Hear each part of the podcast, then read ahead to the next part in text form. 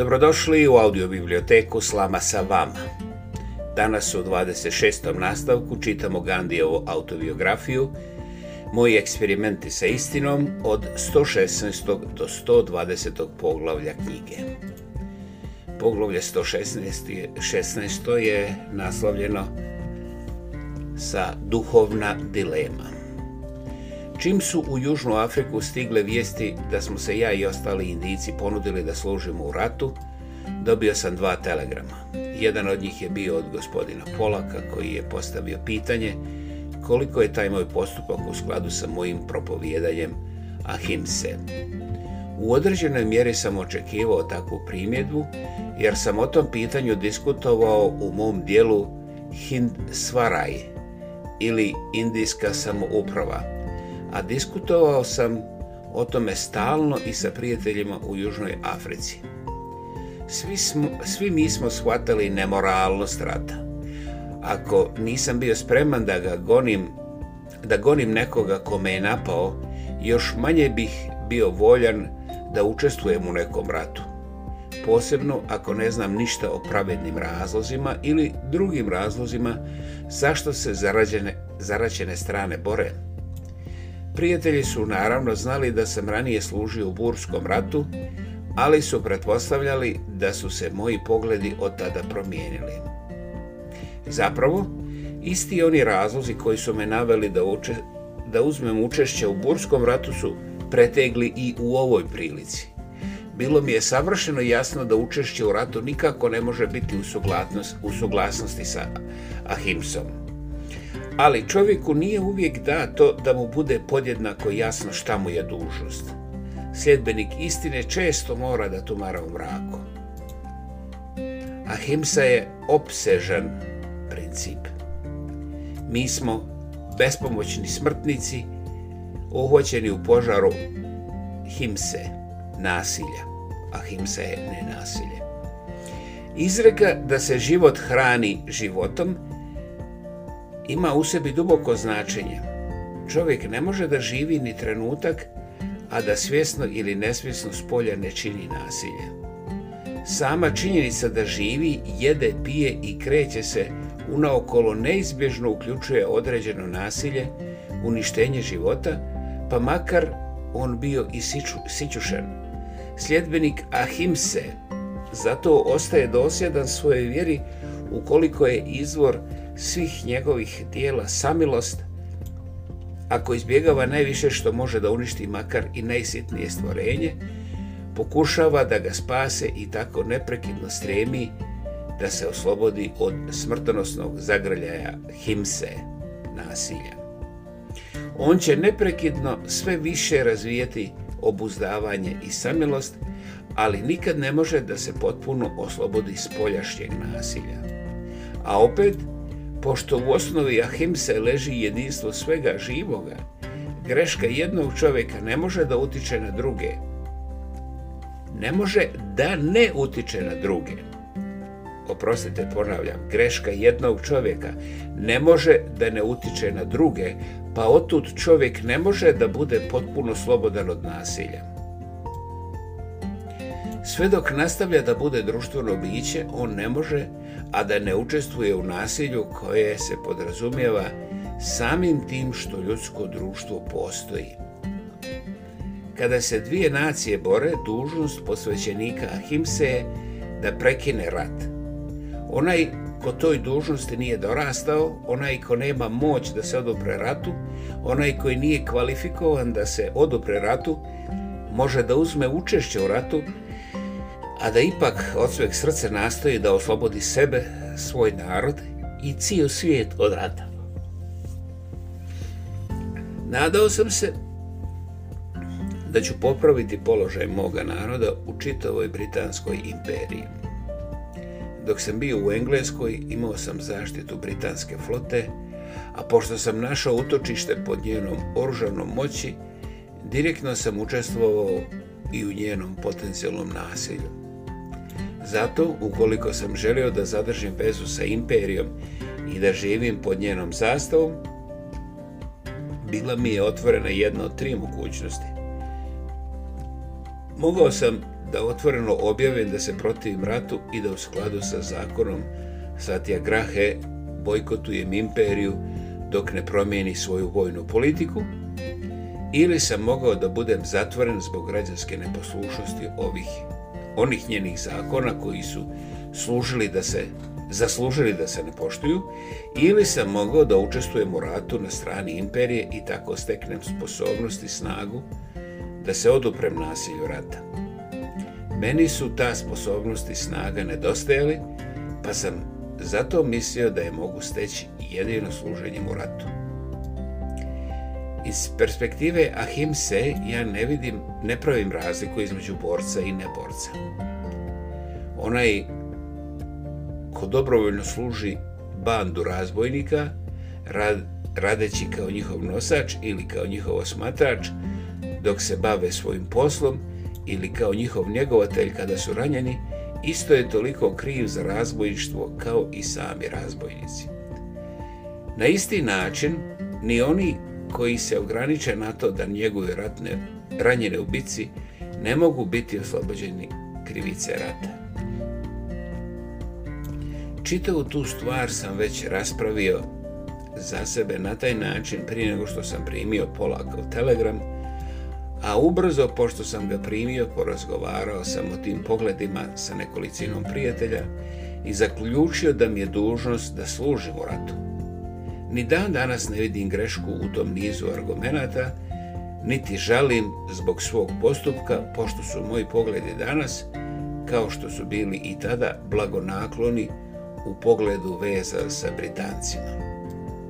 Znam da čak ni tada nisam mogao da sve moje prijatelje u ispravnost moga stava. To pitanje je tanano.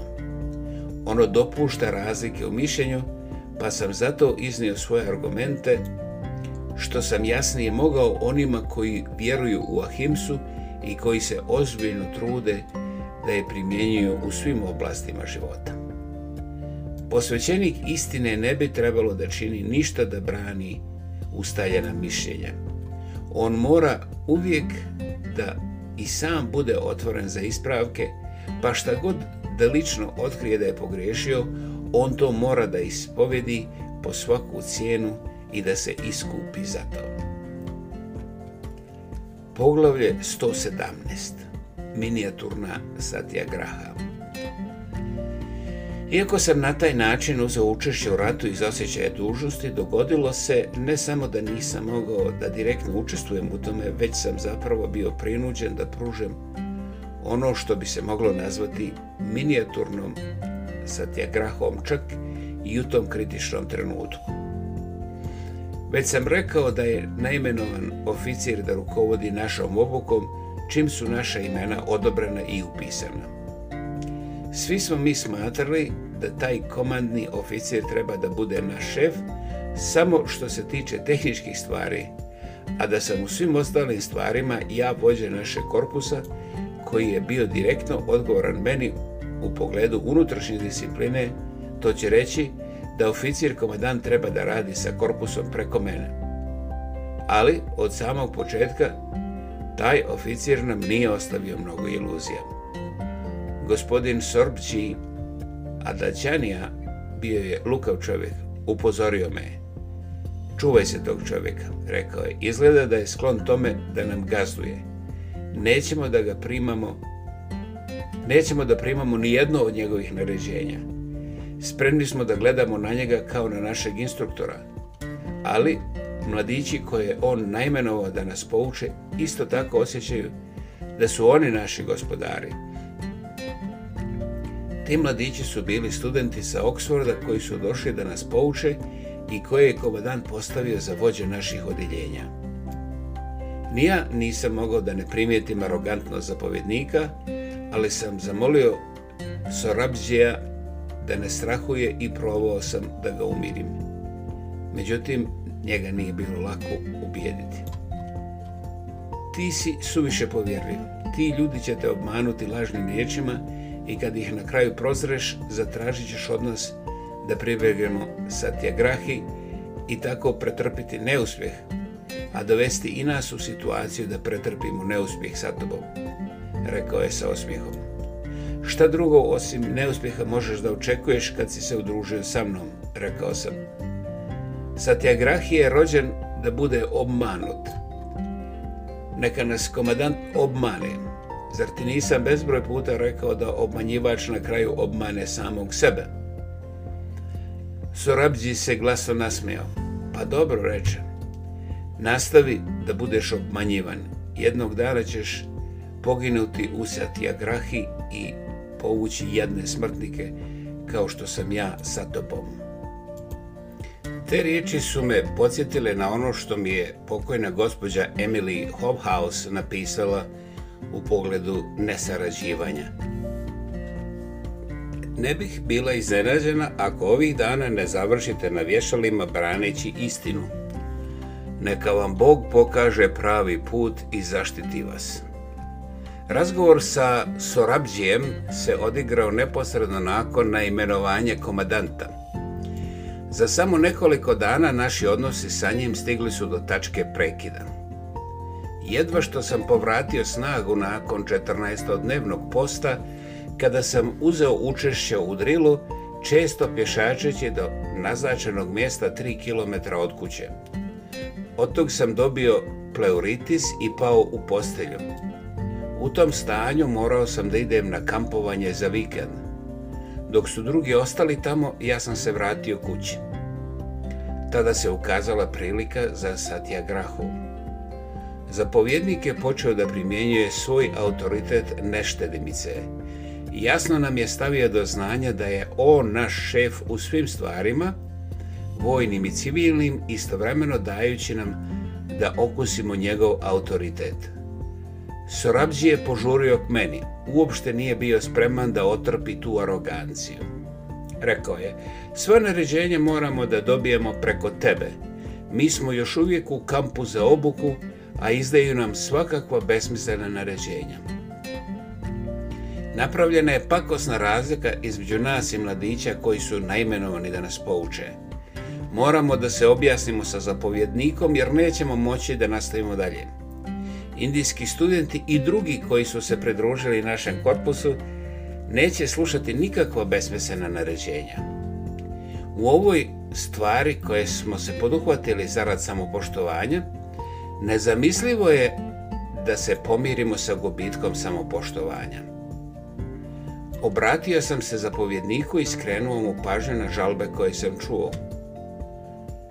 On mi je odgovorio pismeno tražeći da te žalbe saopštim napismeno, a istovremeno tražeći od mene da onima koji se žale utovim u glavu da je ispravan način na koji treba da podnose žalbe preko komandira njihovih odeljenja, sada naimenovanih, koji će informisati mene preko instruktora. Na to sam odgovorio da ja ne prisvajam nikakav autoritet, da u vojnom smislu nisam ništa više nego bilo koji drugi redova, ali da sam vjerovao da bi mi kao predsjedniku dobrovoljačkog korpusa trebalo nezvanično dopustiti da djelujem kao njihov predstavnik. Također sam istakao žalbe i zahtjeve koje su mi iznijeti, naime, da je veliko nezadovoljstvo bilo izazvano neimenovanjem vođa odjeljenja ne uzimajući u obzir osjećanja pripadnika korpusa, da se oni opozovu i da se pozove korpus da izabere vođa odeljenja i da to daju na odobrenje zapovjedniku. To se nije svidjelo zapovjedniku koji je rekao da je za vojnu disciplinu neprihvatljivo da korpus bira vođe odjeljenja i da bi opoziv već najmenovanih bio narušavanje sveukupne discipline. I tako smo održali sastanak i odlučili da se povučemo. Objasnio sam članovima ozbiljne posljedice Satyagrahe, ali velika većina je glasala za tu odluku, a ona je glasila. Ukoliko se već naimenovani desetari ne opozovu i članovima korpusa ne, ne pruži prilika da izaberu svoje desetare, članovi će biti prisiljeni da se uzdrže od daljnje dnevne obuke i logorske obuke vikendom. Potom sam se obratio zapovjedniku rekavši mu koliko je za mene bilo krajnje razočaravajuće njegovo pismo u kojem je odbacio moj prijedlog. Uvjerio sam ga da sam izuzetno voljen da služim. Također sam mu skrenuo pažnju na presedan. Ukazao sam da iako nisam imao zvanični čin u Južnoafričkom indijskom ambulantnom korpusu tokom Burskog rata, nikad nije bilo nikakvog neslaganja između pukovnika Galoveja i korpusa i da pukovnik nikad nije preduzeo neki korak, a da mi se ne obrati da utvrdim kakve su želje korpusa. Uz to sam dodao primjerak rezolucije koju smo usvojili prethodne večeri.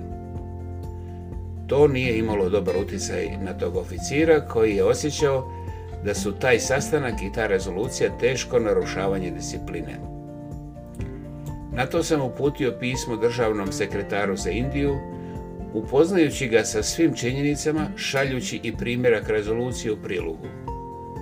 On je odgovorio objašnjavajući da su uslovi u Južnoj Africi bili drugačiji i skrenuo mi pažnju na činjenicu da po pravilima komandira odjeljenje postavlja zapovjednik, ali me je uvjerio da će ubuduće prilikom naimenovanja komandira odjeljenja zapovjednik uzeti u obzir moje preporuke. Nakon toga je među nama bilo još dosta prepiske, ali ne bih dužio tu žalosnu priču. Dovoljno je da kažem da je moje iskustvo bilo iste one vrste kakvu svakodnevno imamo u Indiji. Nešto prijetnjama, a nešto rukavstvom, zapovjednik je uspio da stvori podjele u našem korpusu. Neki od onih koji su glasali za rezoluciju popustili su pred zapovjednikovim pretnjama ili ubiđivanjima i porekli svoje obećanje. Otprilike u to vrijeme je neočekivano veliki kontinent ranjenih vojnika pristigao u bolnicu Netli, pa je bilo potrebno služenje naše korpusa. Oni koje je zapovjednik uspio da objedi, otišli su u Netli. Ostali su odbili da idu. Ja sam ležao u krevetu, ali sam bio u kontaktu sa članovima korpusa. Gospodin Roberts, državni podsekretar, učinio mi je čast brojnim posjetama tokom tih dana. Insistirao je da ubijedim ostale da služe.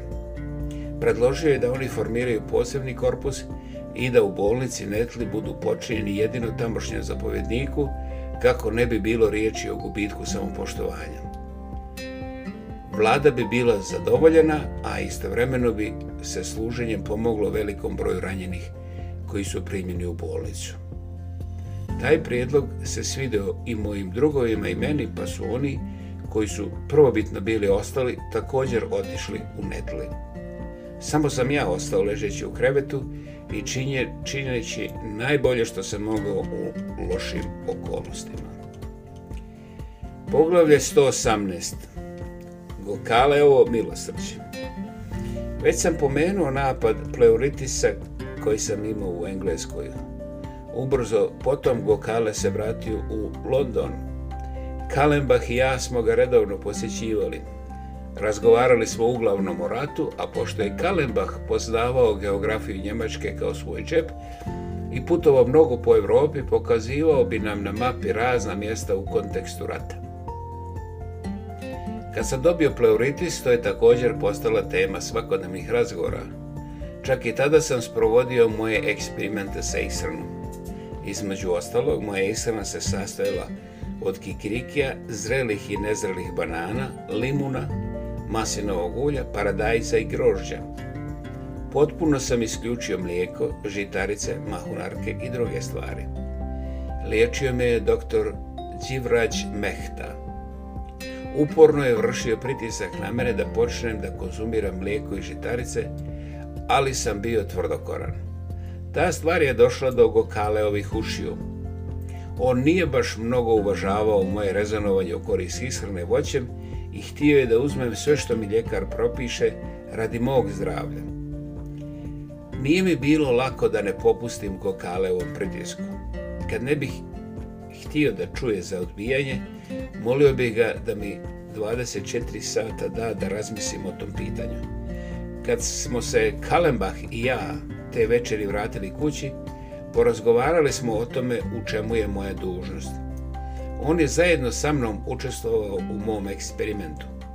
Njemu se on sviđao, ali sam vidio da je saglasan da odustanem od toga ukoliko to moje zdravlje zahtjeva. Zato sam morao da odlučim sam po nalozima unutrašnjeg glasa. Proveo sam čitavu noć razmišljajući o tome. Odustati od tog eksperimenta značilo bi odreći se svih mojih ideja u tom pogledu, a opet u njima nisam nalazio nikakvu grešku. Pitanje je bilo do koje mire da popuštam ovom pritisku koji je vršio iz ljubavi i do koje mjere mogu da izmijenim moj eksperiment u takozvanom interesu zdravlja. Na kraju sam odlučio da se držim mog eksperimenta u onoj mjeri u kojoj je motiv za njega religiozan, a da prihvatim ljekarski savjet tamo gdje su motivi pomiješani. U odricanju od mlijeka religijski razlozi su prevlađivali. U glavi mi je bila slika zlog metoda kravara iz Kalkute koji su primjenjivali da isjede i posljednju kap mlijeka iz svojih krava i bivolica. Isto tako sam osjećao da kao što meso nije hrana za ljude, tako ni životinsko mlijeko ne može biti hrana za ljude. Zato sam ujutro ustao sa rješenošću da se držim odluke da ne pijem mlijeko. To mi je donijelo veliko olakšanje. Strepio sam da priđem Gokaleu, ali sam vjerovao da će poštovati moju odluku.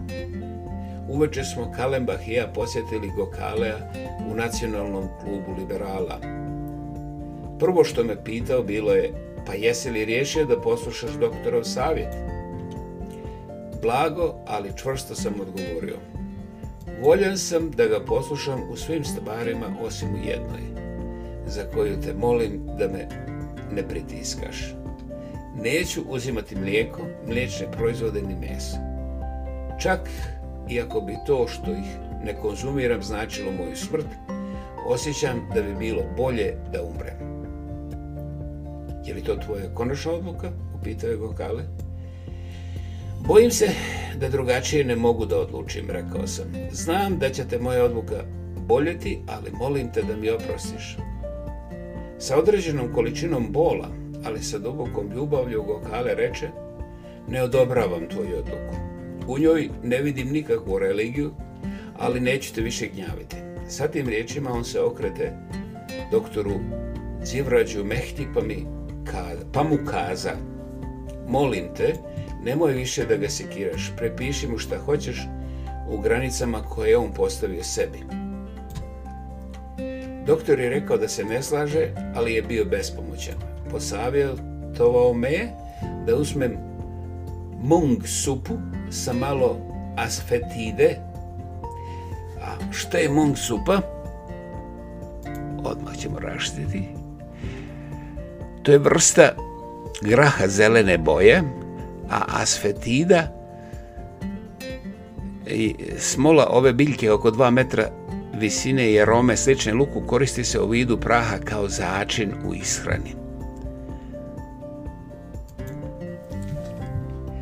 Sa time sam se složio. Uzimao sam dan ili dva, znači mung sopu sa asvetidom, ali od toga me je još više boljelo. Pošto sam vidio da ne odgovara, vratio sam se na voće i orašaste plodove. Doktor je naravno nastavio sa svojim spoljašnjim tretmanima. Oni su mi donekle olakšali bol, ali su moje ograničenje za njega bila bol opterećenje. U vremenu je Gokale otputovao kući pošto nije mogao da podnese oktobarske magle u Londonu. Poglavlje 119. Liječenje pleuritisa. Upornost pleuritisa me je donekle zabrinula, ali sam znao da lijek nije u uzimanju tableta, već u promjenama ishrane uz korištenje spolješnjih lekovitih sredstava.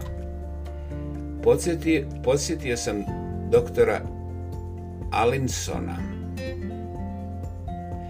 Thomas Alinson, 858. do 915. engleski ljekar, pobornik vegetarijanske ishrane i naturopatije kao načina izlječenja u vrijeme kada je to bilo radikalno drugačije od uvriježenih shvatanja. Osnivač mlina sa kamenim žrvnjem i kompanije za proizvodnju hljeba od integralnog brašna koje se i danas proizvodi u Engleskoj na istim principima. Dakle, posjetio sam doktora Alinsona, koga sam upoznao 890. čuvenog vegetarijanca koji je liječio bolesti promjenama u ishrani. On me je detaljno pregledao. Objasnio sam mu kako sam se zakleo da neću uzimati mlijeko. Ohrabrio me i rekao, nema potrebe da uzimate mlijeko. Zapravo htio bih da se nekoliko dana hranite bez ikakvih masnoća. Onda me je posavjetovao da se hranim čistim integralnim hlebom, sirovim povrćem kao što su cvekla repa, luk i druge lukovice i zeleniš, ali i svježim voćem, uglavnom pomoranđama. Povrće nije trebalo kuvati, već samo sitno nasjeckati da bih mogao da ga sažvaćem. Držao sam se toga oko tri dana, ali mi sirovo povrće baš nije odgovaralo. Moje tijelo je nije bilo u takvom stanju da bih mogao u potpunosti da poštujem taj eksperiment. Nije mi bilo ugodno da jedem sirovo povrće. Doktor Allison mi je posavjetovao da držim sve prozore u sobi otvorene 24 sata dnevno, da se kupam u mlakoj vodi, masiram se uljem po bolnim dijelovima i šetam na polju 30 do 40 minuta. Svi ti prijedlozi su mi se svidjeli. Moja soba je imala dvokrilne prozore, pa ako se otvore, unutra bi ulazila kiša. Luftaš nije mogao da se otvori, zato sam razbio staklo kako bi ulazio svjež vazduh, a prozore sam djelomično otvorio tako da ne ulazi kiša. Sve te mjere su mi donekle popravile zdravlje, ali me nisu potpuno izliječile. Povremeno me posvećivala lady Cecilia Roberts. Postali smo prijatelji. Ona je veoma željela da me ubijedi da uzimam mlijeko ali pošto sam bio nepopustljiv, počela je da traga nekom zamjenom za mlijeko. Neki prijatelji su je predložili Maltex mlijeko u prahu, uvjeravajući je u svom neznanju da u njemu nema mlijeka i da je to vještački napitak koji samo ima osobine mlijeka. Lady Cecilia, znao sam, izuzetno je poštovala moj religiozni osjećaj tužnosti, pa sam joj slijepo vjerovao, Rastvorio sam taj prah u vodi i probao i odmah sam vidio da ima ukus isti kao mlijeko. Pročitao sam etiketu na boci i otkrio, mada prekazno, da je taj napitak napravljen od mlijeka. I tako sam odustao od toga. Obavijestio sam Lady Cecilio šta sam otkrio, rekavši je da ne brine zbog toga. Hitro je došla k meni da mi kaže koliko je žao. Njen prijatelj nije uopšte ni pročitao etiketu. Molio sam je da ne brine i rekao da mi je žao što nisam mogao da se poslužim tim napitkom za koji je ona toliko, se ona toliko potrudila da ga nabavi. Također sam je uvjerio da se ja lično uopšte ne osjećam uznemiren ni kriv što sam popio mlijeko ne znajući šta je u pitanju. Moram da preskočim mnoga slatka sjećanja na moje kontakte sa Lady Cecilijom. Znam da se mnogih, sjećam se mnogih prijatelja koji su mi bili izvor velike utjehe usred nevolja i razočarenja. Onaj koji ima vjere vidi u njima milostivo proviđenje Boga koji nam na taj način ublažuje tugu. Kad sam ga sljedeći put posjetio, doktor Alenson je popustio sa svojim restrikcijama i dopustio mi da jedem kikiriki puter ili maslinovo ulje zbog masti i da ako, ako hoću jedem kuvano povrće sa pirinčem. Te promjene su mi bile dobro došle, ali daleko od toga da su me potpuno izliječili. I dalje je bila potrebna veoma pažljiva njega i morao sam uglavnom da ostajem u krevetu. Povremeno bi doktor Mehta došao da me pregleda i da mi ostavi otvorenu ponudu da će me izliječiti ako samo poslušam njegov savjet. I dok su se stvari tako odvijale, gospođa Roberts je jednog, gospodin Roberts je, oprostite, jednog dana došao da me posjeti i počeo da insistira da idem kući. Nema šanse da idete u netli u tom stanju. Čekaju nas još žešće hladnoće savjetovao bih vam od sveg srca da se vratite u Indiju, jer jedino tamo se možete potpuno izliječiti. Ako, nakon što se oporavite, rat još bude trajao, imat ćete mnogo prilike da nam pomognete tamo. Bilo kako bilo, mislim da ovo što ste do sad učinili nije mali doprinos. Poslušao sam njegov savjet i počeo da se pripremam za povratak u Indiju. Poglavlje 120 kući. Gospodin Kalembach me dopratio u Englesku sa željom da pođe u Indiju. Stanovali smo zajedno i naravno htjeli da plovimo istim brodom. Ali Njemci su bili pod tako strogim nadzorom da smo se pitali može li gospodin Kalembach uopšte dobiti pasoš. Uradio sam sve što sam mogao da ga dobijem, ali gospodin Roberts koji je podržavao ideju da Kalembah dobije pasoš, poslao je telegram vice kralju Indije sa tom sadržinom. Međutim, odgovor lorda Hardinga je stigao odmah. Žalimo, indijska vlada nije spremna da preuzme nikakav rizik te vrste. Svi smo razumjeli težinu tog odgovora.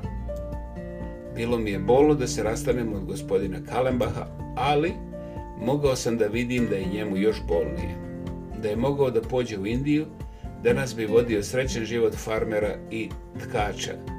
Sada je u Južnoj Africi gdje vodi svoj stari život i radi dinamičan posao kao arhitekt. Htjeli smo treću klasu, ali pošto nije bila dostupna na P i O brodovima, morali smo da putujemo drugom.